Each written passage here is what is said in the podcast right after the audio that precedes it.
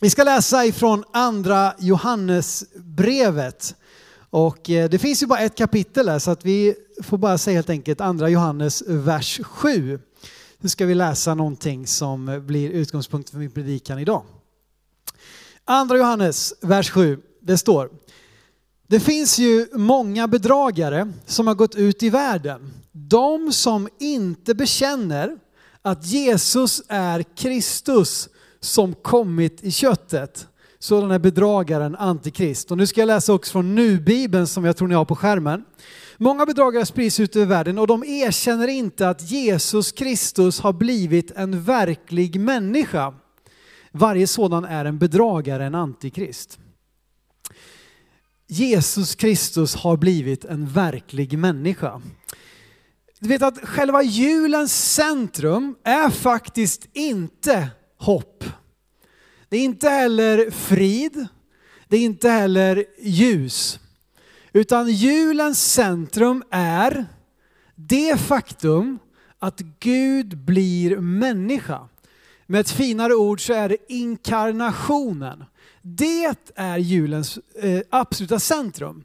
Och det i sin tur borgar för hopp, frid och ljus. Du vet att hopp, frid och ljus, alla vill säga det, ja det är underbart, julen är ljusets högtid och, och allt möjligt sånt där. Och det, så är det ju. Men frågan är vad man har för säkerhet som borgar för att det faktiskt är så. Ni vet att ni kanske känner till den här kryptovalutan, den här helt digitala valutan som, som liksom fick mycket kritik, då, eller har fortfarande mycket kritik, för att det finns ingen säkerhet. Alltså ni vet, jag kan inte allt sånt där, men förr i tiden i alla fall, då hade man ju en guldreserv som skulle liksom eh, visa att de pengarna som fanns ute i omlopp, de hade en guldreserv som borgade för att de här pengarna faktiskt, det fanns ett verkligt verkligt värde bakom. Och när världen talar om att det här är ljus och hopp och frid så är, jag tror att allt det är gott. Men frågan är om det finns någon guldreserv. Finns det någon säkerhet? Finns det någon borgen som faktiskt bevisar och säkrar upp att det är, att det finns hopp, att det finns frid, att det finns ljus. Och det är ju så att i den kristna tron så har vi en borgen.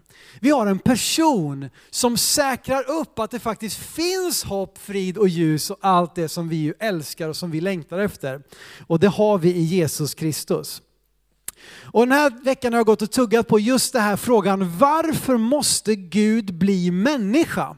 För jag inser att jag som uppvuxen i kyrkan och vare sig du är det eller inte så har du säkert, har du fångat upp någonting om julen så har du förhoppningsvis fångat upp, ja men okej, Gud föds genom Maria i stallet i Betlehem. Ja, men det är bra och det, det, det är sant och det är liksom julens, julens berättelse. Men varför är det så signifikativt? Varför är det av betydelse? Varför behöver vi eh, eh, det faktum att Jesus blir människa? Och varför är det som eh, Johannes säger att de som inte erkänner att Jesus Kristus har blivit en verklig människa, de är bedragare. Antikrist, alltså de är emot Kristus eller antikrist kan ju också kanske ännu mer sägas vara istället för Kristus. Vi erkänner Kristus, ersätter Kristus med någonting annat. Och under de första århundradena så lades liksom grunden ner i den kristna tron. Eh, och man formulerade flera av de stora trosbekännelserna som vi ju bekänner oss till än idag. Och som trots att vi kan ha ganska mycket olika uttryck, olika betoningar inom olika kyrkor, så finns det ett antal bekännelser som vi är förenade kring. Både katoliker, protestanter och ortodoxa kristna förenas kring många av de här tidiga eh, trosbekännelserna. Och inte minst så var någonting som var viktigt och på debatt, alltså det var hett uppe på debattlistan hela tiden, det var just Jesu natur. Hurdan var egentligen Jesus? Vem var han? Var han bara Gud som gick här på jorden? Eller var han bara människa? Eller var han Gud i himlen men människa på jorden? Eller var han hälften Gud och hälften människa? Och du kan tycka, men vad spelar det för roll? Ja, faktum är att det spelar ganska stor roll, även om vi inte har liksom tid nu att gå in och gräva oss ner i vad de här olika slutsatserna kan leda till. Men det här var något av den stora stridsfrågorna i den tidiga kyrkan, att reda ut vem var Jesus?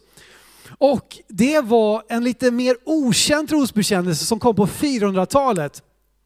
Då var det här liksom, då kände man det för att även om man hade de här tidiga trosbekännelserna, apostoliska, niceniska, så märkte man att ändå så, så drog det i olika riktningar. när Det just kommer till Jesus och vem han var och hans person och hans natur.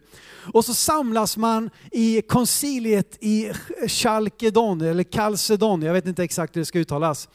451 och så skriver man en trosbekännelse som än idag då de flesta kyrkorna liksom bekänner sig till. Där egentligen allting handlar om vem Jesus var. Ganska invecklat språk, ganska invecklad, man, man alltså du behöver liksom, du kan inte ta det här det sista du gör på kvällen liksom och sätta det, men vad betyder det här? Du måste vara liksom alert, du måste tänka efter. Men då har du en ganska härlig trosbekännelse då som, som behandlar just hurdan Jesus är, vem han är. Och jag ska ta bara ett litet utdrag därifrån första strofen och sen hoppar vi in i det som jag väl tycker är liksom någon typ av, av, av konklusion eller liksom eh, centrum i den här trosbekännelsen. Då säger de så här, vi alla bekänner med en mun vår Herre Jesus Kristus. Och så hoppar vi ner då en bit.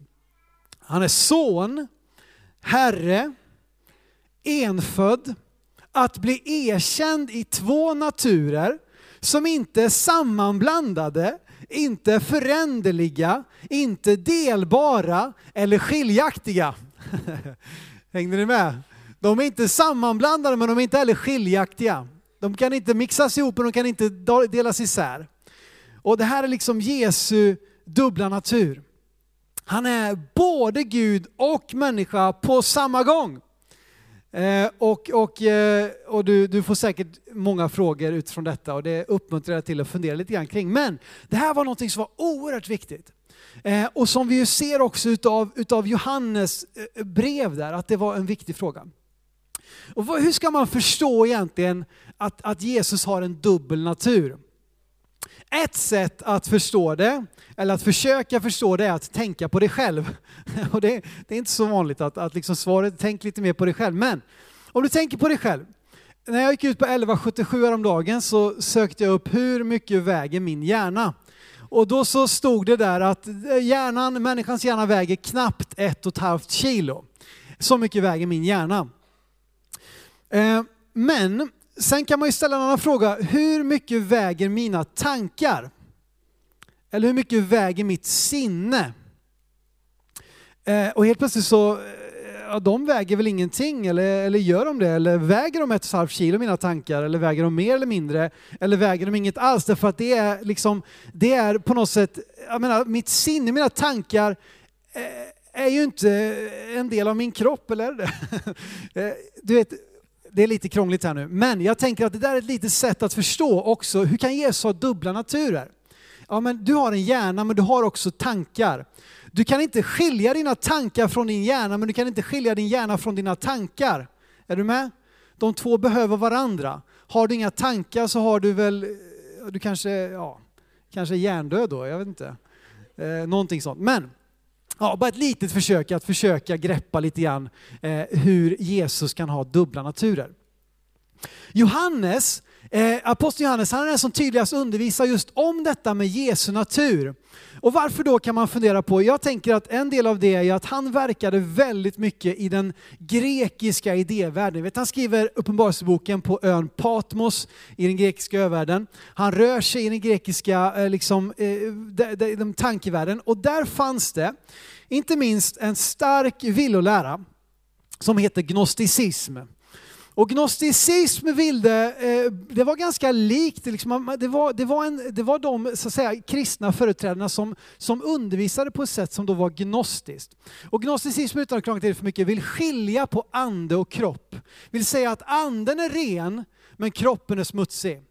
Anden, det är det gudomliga, det är det rena, det är det, liksom det som Gud har skapat, medan världen är djävulens verk. Liksom kroppen, den är smutsig, den är syndig, eh, medan anden, den, den är ren. Och så vill de skilja mellan kropp och ande, nästan på ett sätt som att man också kunde säga, det gör nästan ingenting att min kropp syndar, för att min ande är fortfarande ren, så min kropp kan göra vad den vill, för min ande är det, det som är liksom i kontakt med Gud.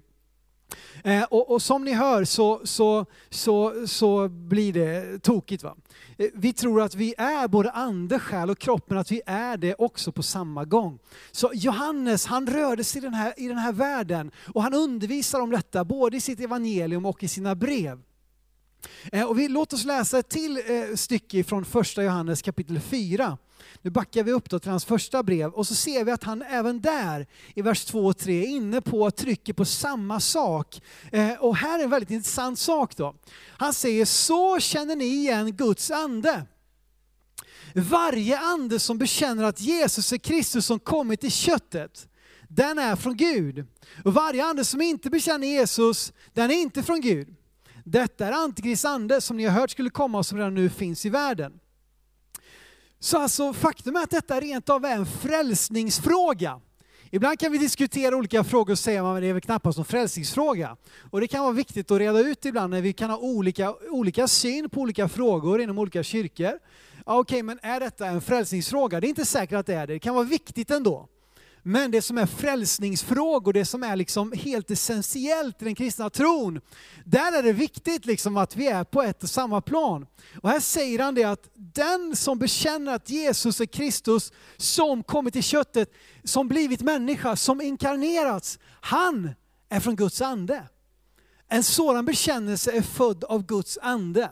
Medan en bekännelse som förnekar, att Jesus både då skulle vara Gud som har blivit människa eller förnekar att han har blivit människa, ja men då är det en villolära, då är det antikrist ande.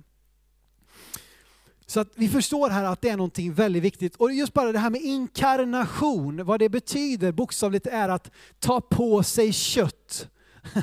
det, det låter inte så nice. Men, men att klä sig i kött att liksom få en kroppslig gestalt. Och det är därför som många av de lite äldre översättningarna använder just det här kommit i köttet. Liksom. Han har blivit klädd med kött, han har inkarnerats. Eh, carne, det är väl kött på spanska, är det inte det? Giorgio, exakt. Så Sven han beställde alltid dobbel carne, sa han när han var på restaurang. Han ville ha dubbelt så mycket kött på restaurangen. Ja, så är det. Men varför är det viktigt? Varför behövde Gud bli människa? Eh, jag tänker att det, jag ska ge dig tre punkter snart, men först ska jag ge en viktig punkt. Det första tror jag är att han vill uppenbara sig för dig och mig. Han vill bli synlig för dig och mig. Han vill att vi ska förstå vem han är. Det var ju därför han skapade oss, för att han ville ha en relation med människan. Och när vi då gick vår egen väg, när synden kom in i världen, skilde oss från Gud, så kom det en skilsmässa och Gud, han, han, han, han längtar efter att få upprätta relationen med människan igen. Och genom historien, innan Jesus kommer då, Gud blir människa, så har han visat sig genom sina mirakler. Han har gjort mirakler på det sättet uppenbarat sig för folket och de säger wow! Gud har delat Röda havet, vilken Gud vi har! Gud har liksom försett, Gud har helat, Gud har upprättat, Gud har gjort under och tecken. Det här var ju innan de ens hade Bibeln nedskriven. Gud han börjar med att visa sig genom sina handlingar, genom sina mirakler, genom att han grep in och gjorde under och på det sättet förstod människan.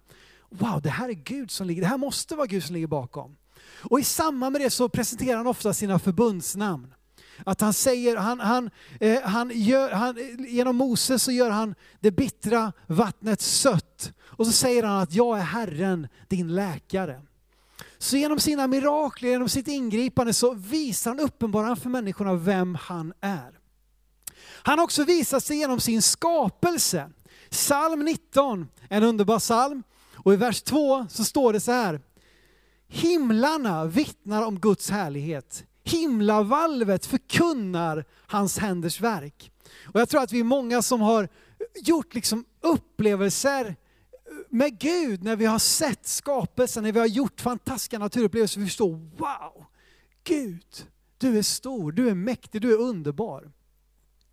Han har visat sig genom sina mirakler, han har visat sig genom sin skapelse och sedan också då genom sitt ord. Lite längre ner i psalm 19, vers 8. Herrens undervisning är fullkomlig. Den ger nytt liv åt själen, Herrens vittnesbörd är sant, det ger vishet åt enkla människor. Han visar sig genom sitt ord och det började skrivas ner och föras vidare både skriftligt och muntligt om vem Gud är. Och på det sättet så vill, kan vi lära känna, uppenbara, uppenbara Gud sig för oss. Ser ni hans längtan att, att visa sig för oss? Att, att, hallå, det här är jag, se mig, förstå min kärlek till er, förstå att jag vill vara med er, att jag vill hjälpa er, följ min väg, följ min undervisning, lyssna på mig. Men det största av allt är att Gud visar sig genom sin son. Nu skulle Gud bli människa och uppenbara sig genom att ta fysisk gestalt. Och i Jesus Kristus så förstår vi vem Gud är. Åh, tack Gud att vi kan få läsa om, studera, möta Jesus i evangelierna och på det sättet lära känna Gud. Vilken underbar gåva det är. Hebreerbrevet 3 och 1, vi har varit inne på redan här idag. Där står det så här, därför, ni heliga bröder som har fått del av en himmelsk kallelse, se på Jesus. Den apostel och överstepräst som vi bekänner oss till. Se på Jesus, så ser du Gud. Se vad Jesus gjorde, så ser du vem Gud är. Hur han vad han vill göra. Så jag tror att en stor del i att Gud blir människa är hans längtan att du och jag ska se honom. Att vi ska förstå vem han är. Vi ska lära känna honom. Och därför så blev Gud människa. Men inte bara därför. Nu ska du få tre stycken ytterligare punkter här om varför inkarnationen är så viktig. Kom ihåg inkarnation, ta på sig kött, bli människa. Inkarnationen, för det första, bekräftar det goda med vår fysiska existens. Gud skapade världen och han såg skapelsen och han sa, se, det var gott. Det var någonting gott. Gud älskar sin skapelse. Det är inte en helt ovanlig filosofisk tanke, precis som jag var inne på det här gnosticismen, att se ner på det kroppsliga, att se ner på det materiella, att tala ner liksom av den här världen och synden och människan och allt det här hemska som bryter ner, som förstör. Men Gud, att han är villig att bli människa. Det visar att han har fortfarande kärlek till sin skapelse. Jesus han kom inte för att utplåna den här världen. Han kom för att upprätta världen. Och därför tror jag att även om vi lever i en tuff tid, i en svår tid, när vi känner att varför finns det så mycket ondska, varför finns det så mycket orättvisor, varför sker det så mycket hemskt på den här jorden? Så finns det någonting gott med att få vara just här och få vara människa. Att få leva ut, liksom, att göra goda gärningar, att hjälpa någon annan. Att få fortsätta sprida hopp, att få fortsätta lysa ljus mitt in i mörkret. Det finns någonting gott med vår fysiska existens. Kolosserbrevet 1 och 19 till 20 så ska du få se någonting här. Så jag tror inte att vi ska förakta tiden här på jorden. Vi ska längta till himlen. Och det, jag, jag gör det, jag, jag längtar till himlen. Eh, till den dagen vi bara ska få vara med Jesus för alltid och slippa allt det andra tramset. Men det är någonting gott med att få vara människa. Vet, det är många idag som funderar på, är det gott, är det ens värt att få barn? Ska jag föda barn till den här hemska världen? Det är en verklig, verklig ångest som många känner och det finns också ett uttryck, ni vet det finns mycket skam nu, klimatskam och annan skam och jag har hört till och med att det finns uttryck som är barnskam. Att du ska skämmas för att du sätter barn till den här hemska världen. Men vet du vad?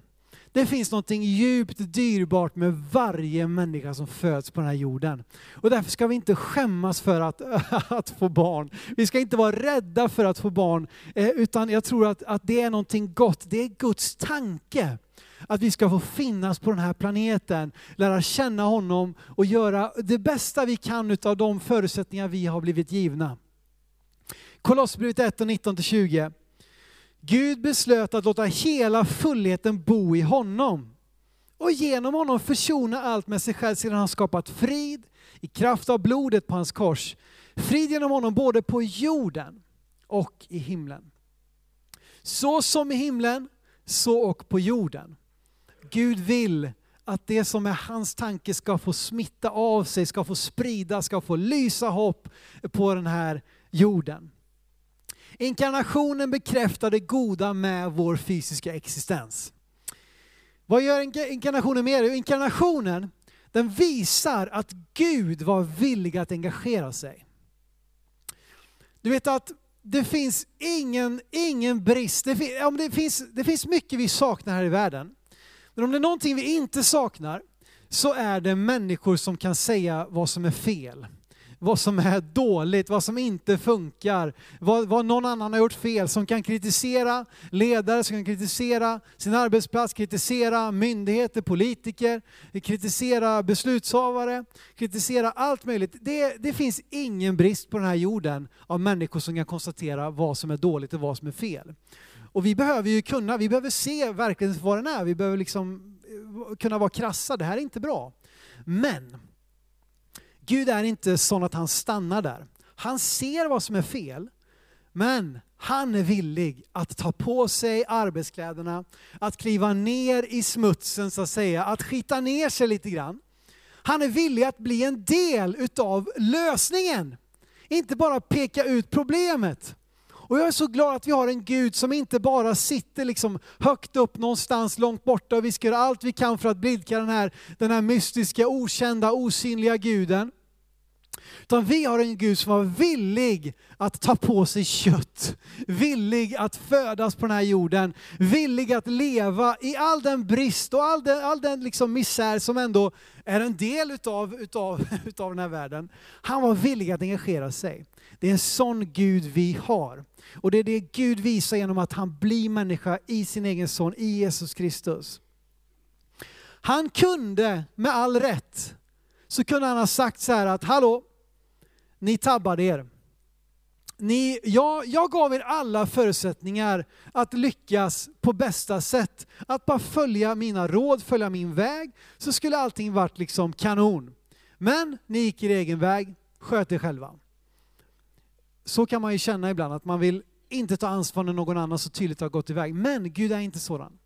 Han ser, okej, okay, ni har gått er egen väg, okej, okay, ni har syndat, okej, okay, ni har svikit mig, Okej, okay, vissa har till och med talat illa om mig, men ändå väljer han att engagera sig, att bli ett med sin skapelse. Eh, Johannes kapitel 1 och vers 9.